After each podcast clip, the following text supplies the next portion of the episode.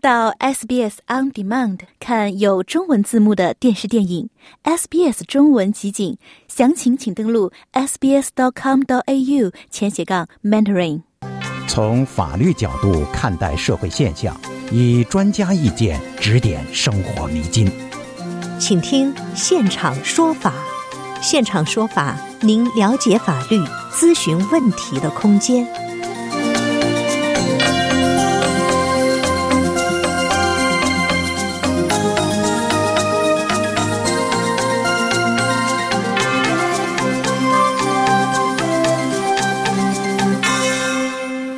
听众朋友您好，欢迎您继续收听 SBS 广播中文普通话节目，每每周二为您带来的现场说法听众热线节目。最近新闻看到哈，在昆州，机动车主拖欠的停车罚款额呢超过四千万澳元呢，不支付停车罚款会有什么后果呢？在今天的节目中呢，我们邀请奥斯洛奥和绿业管理合伙人林慧梅律师和您聊一聊停车罚款的话题。欢迎听众朋友拨打热线电话一三零零七九九三二三。一三零零七九九三二三参与节目咨询法律问题。那么接下来我们来连线本期节目嘉宾林律师，您早。喂，我们连线一下本期节目。哎，林律师您好。哎，大家好，金杰，大家好。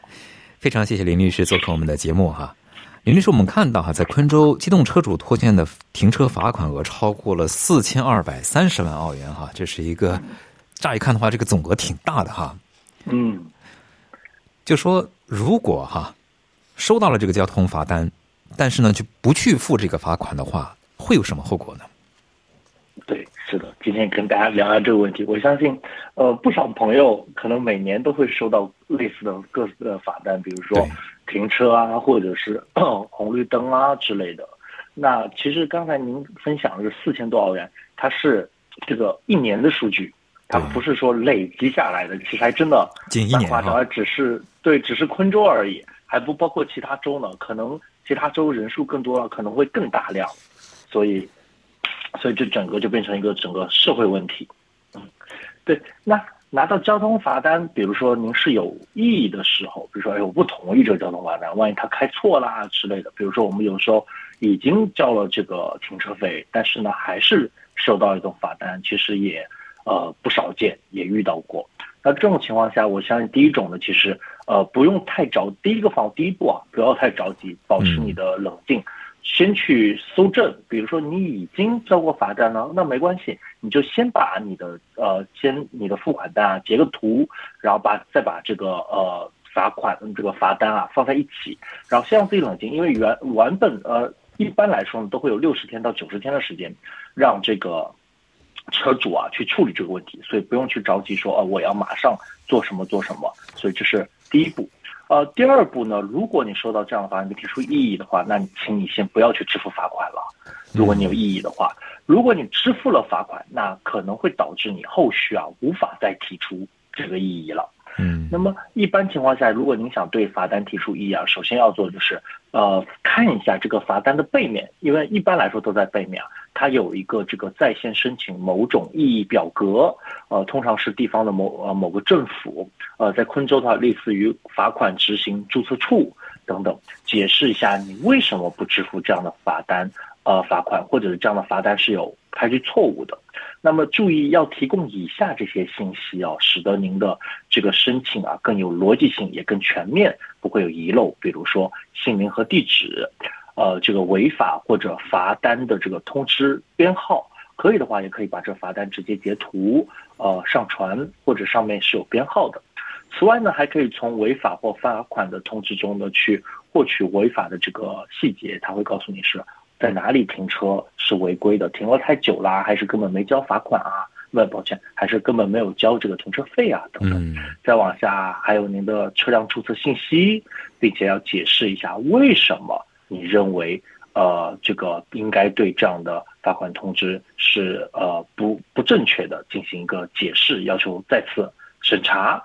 并且提供可能相关的证据，这样的证据呢，包括我们刚才说的，你已经交过罚款，那你交一个呃这个截图的付款单，以及可能的这个拍摄日期跟时间等等。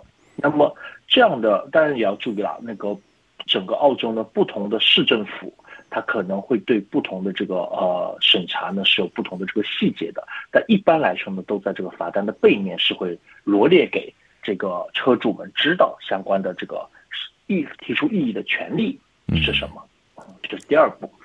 那么第三步，如果对于这个行政审查的结果依然还不满意的话，那就要去法院处理了。我们去法院处理，这个叫做什么呢？这个叫做一个小小的行政诉讼。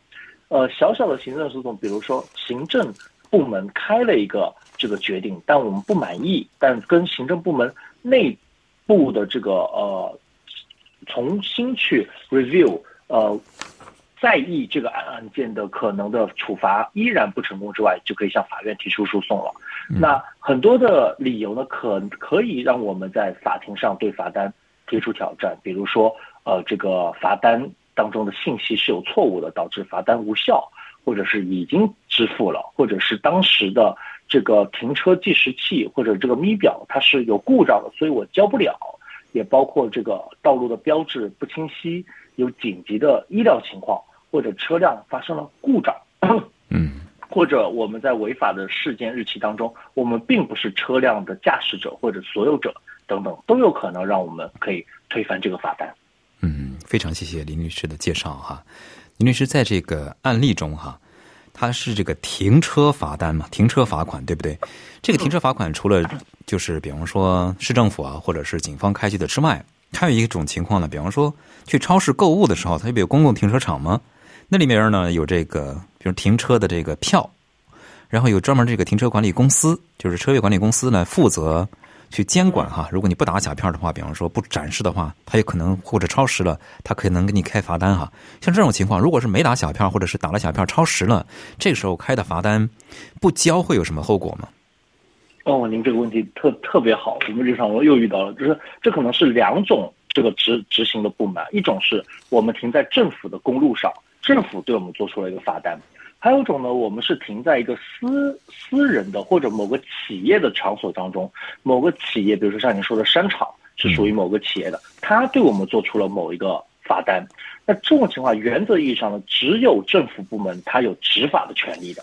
那么，对于某个商场里面，我们只是跟他进入了某一种合同，这个合同呢叫做停车的管理合同。就像我们入这个停车库的时候，它门口那个栏杆旁边会写嘛，说你进入的时候你会同意两个小时免费，或者三小时就是十澳币之类。其实你是跟他进入一种合同，你并不是进入了一个被执法的区域。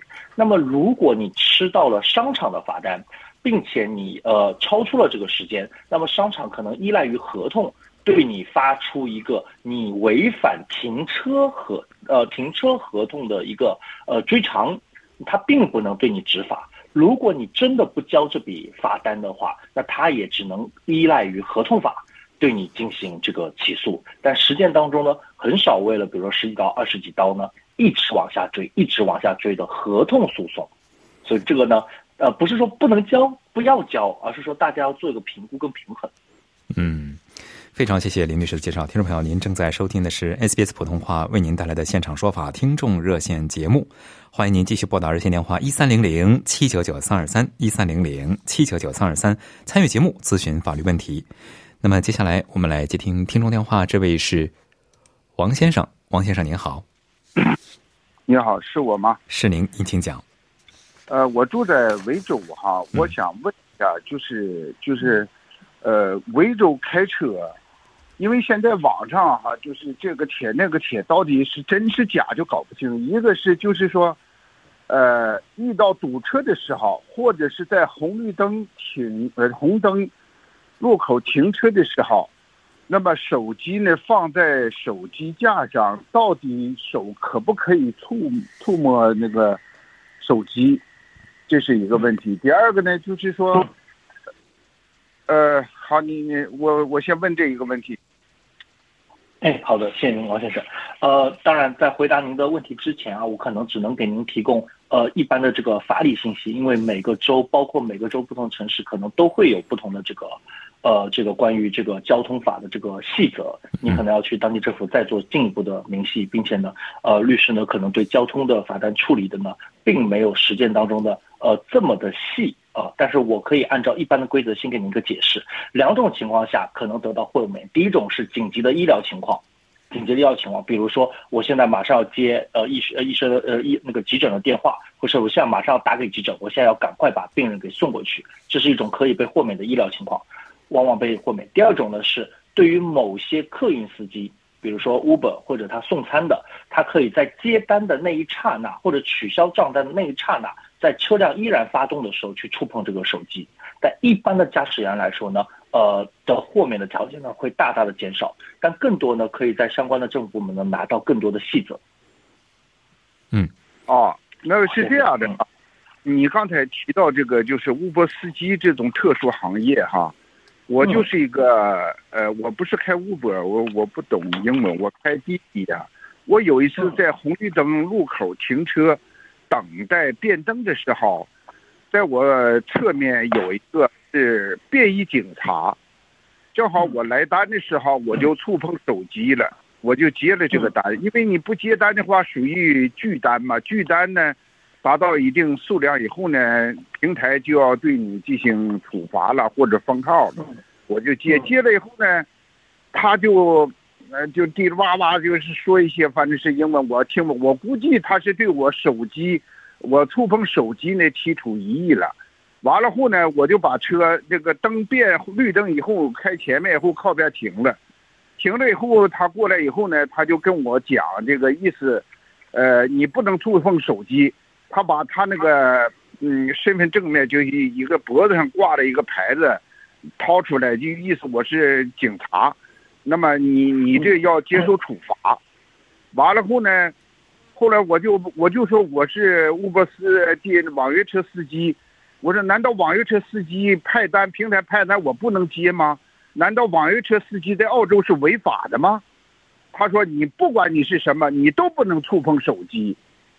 完了后，后来他把我驾证拿去以后呢，一看我那个，呃，三年没有违章，完了后他说，哦，他说鉴于你这三年没有违章，那么这次就警告你不处罚，所以我就搞不懂到底是怎么回事儿。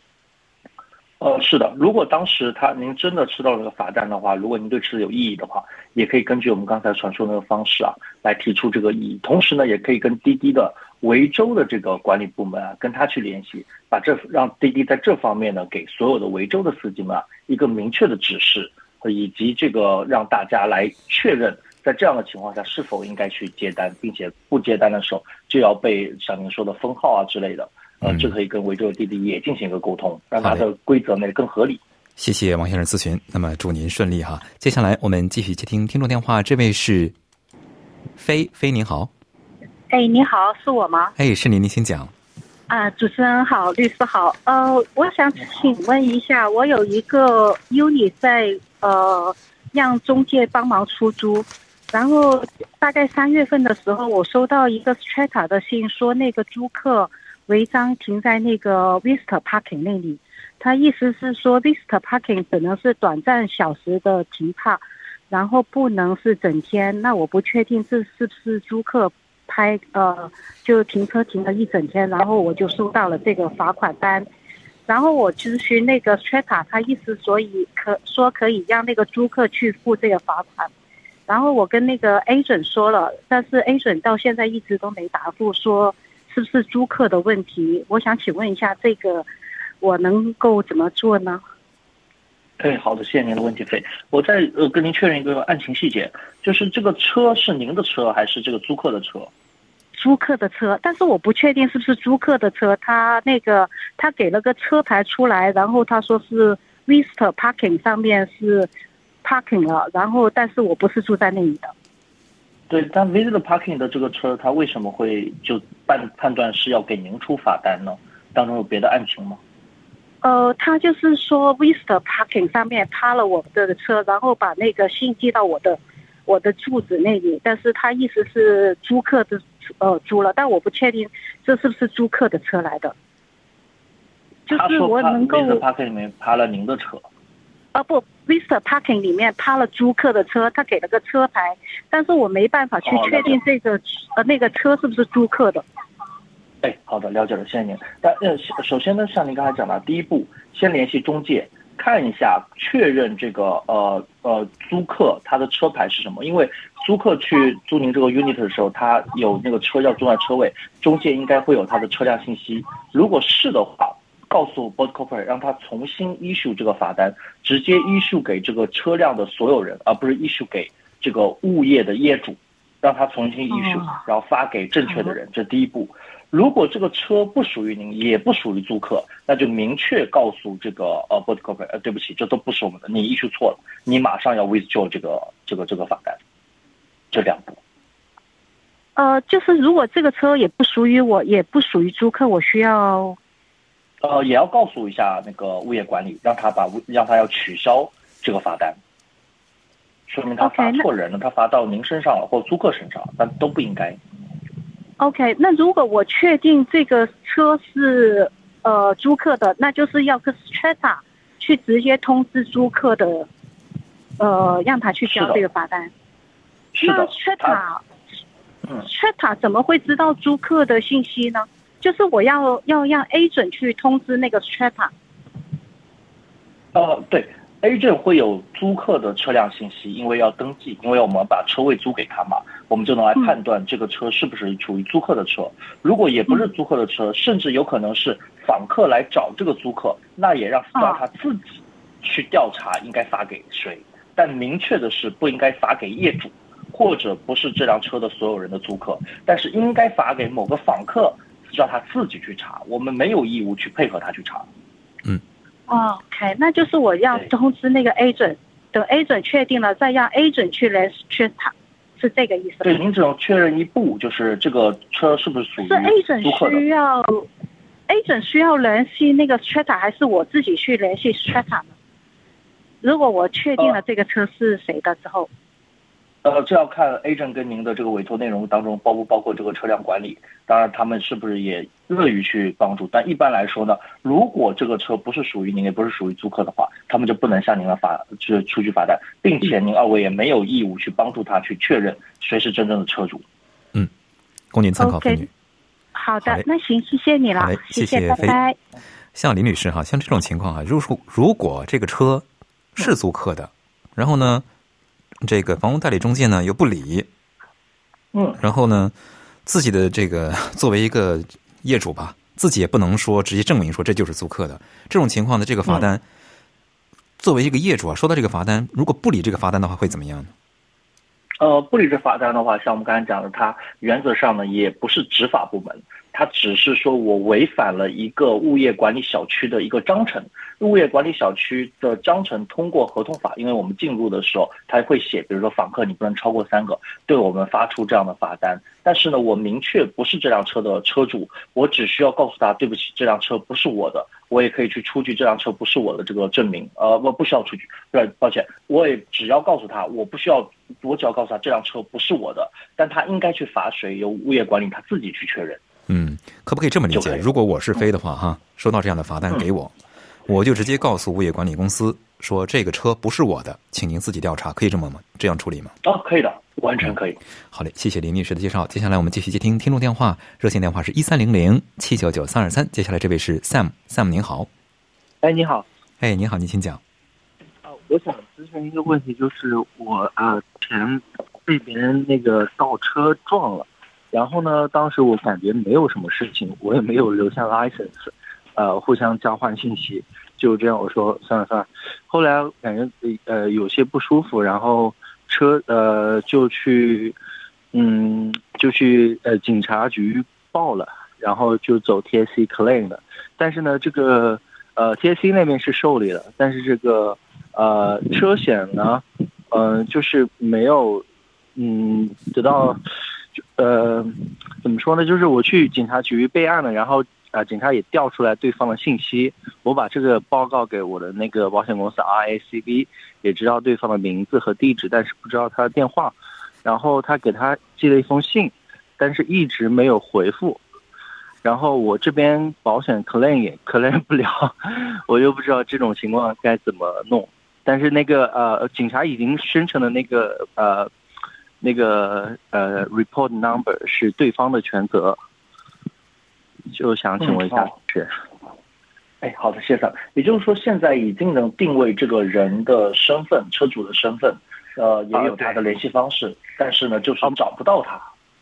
呃，对，只有呃有他的名字和住址，但是没有他的那个电话。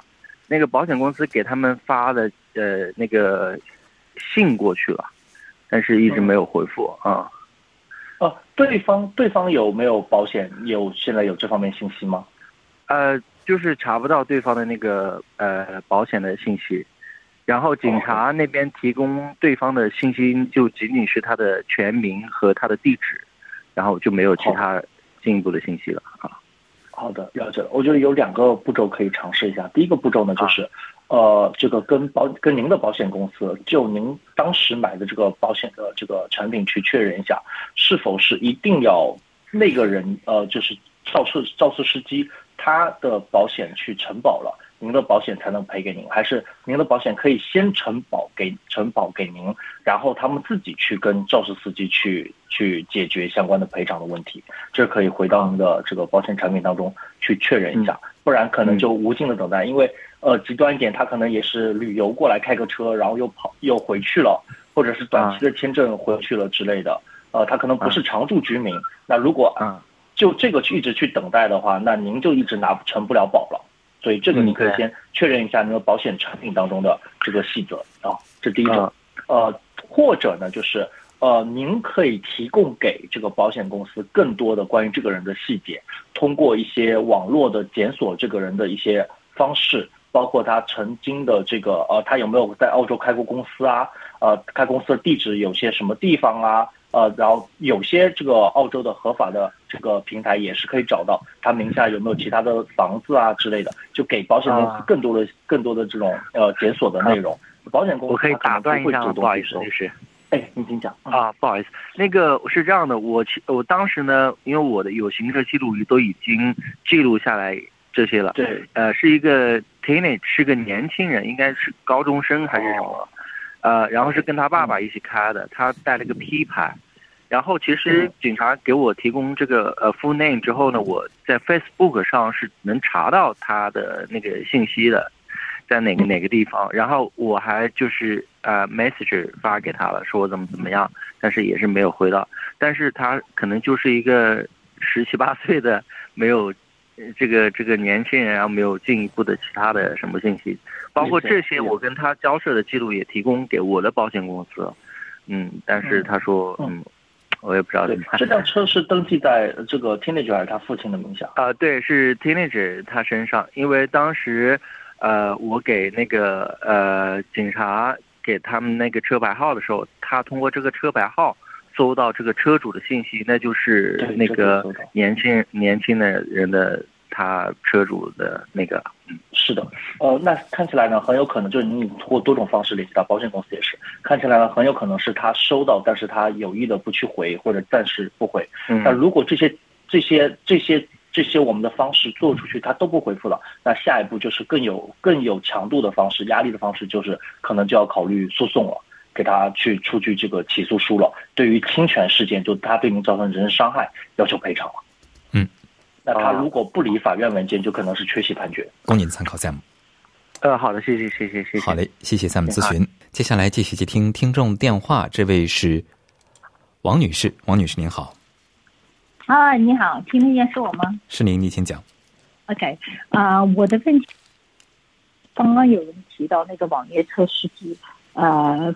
碰了那个手机，我记得好像是不是我是在维州，好像有要求，如果这个手机就像网约车司机，他是有一个支架，呃，手机是放在这个上面的，应该是可以触碰的吧？呃，是这样，我们我们今天比此前我们在节目中就是之前有一位听众就是王先生吧，应该是他咨询说这个对对对案例哈。当时我们一位嘉宾，律师嘉宾哈，他是墨尔本的律师，他就说，这个车呢，只有在停在那儿不动的时候触碰，比方说等这个红灯是红灯的时候可以，好像绿灯变成绿灯的那一瞬间，车要开始启动的时候再触碰就属于违法的。那当时他的一个解释哈，供您参考。哦，那也就在行驶当中是不能触碰的，触碰对。学习了，学习了，因为我经常运是开车时候，因为我把手机是固定在那个盘。但是您路边停车，或者是比方说等红绿灯的时候停在那儿不动，在维州，呃，根据就是张卓轩律师的解释呢，是可以去碰一下的，嗯，但是需要放在。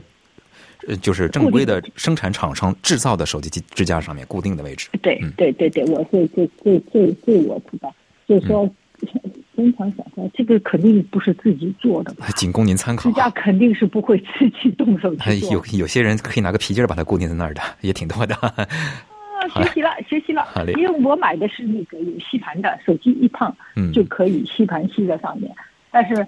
嗯，呃，因为你们今天在讨论啊，我也不知道别人就说能不能问个问题。别人不是有行车仪吗？嗯，我想问一下，别人行车仪是这里买的还是国内带过来的？